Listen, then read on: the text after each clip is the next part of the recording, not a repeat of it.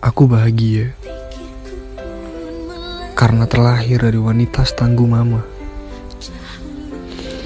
Mama selalu berikan yang terbaik untukku.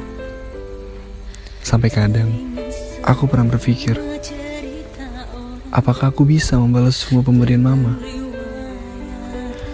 Memang bukan materi yang mama beri, tapi pendidikan serta kasih sayang tulus dari hati mama.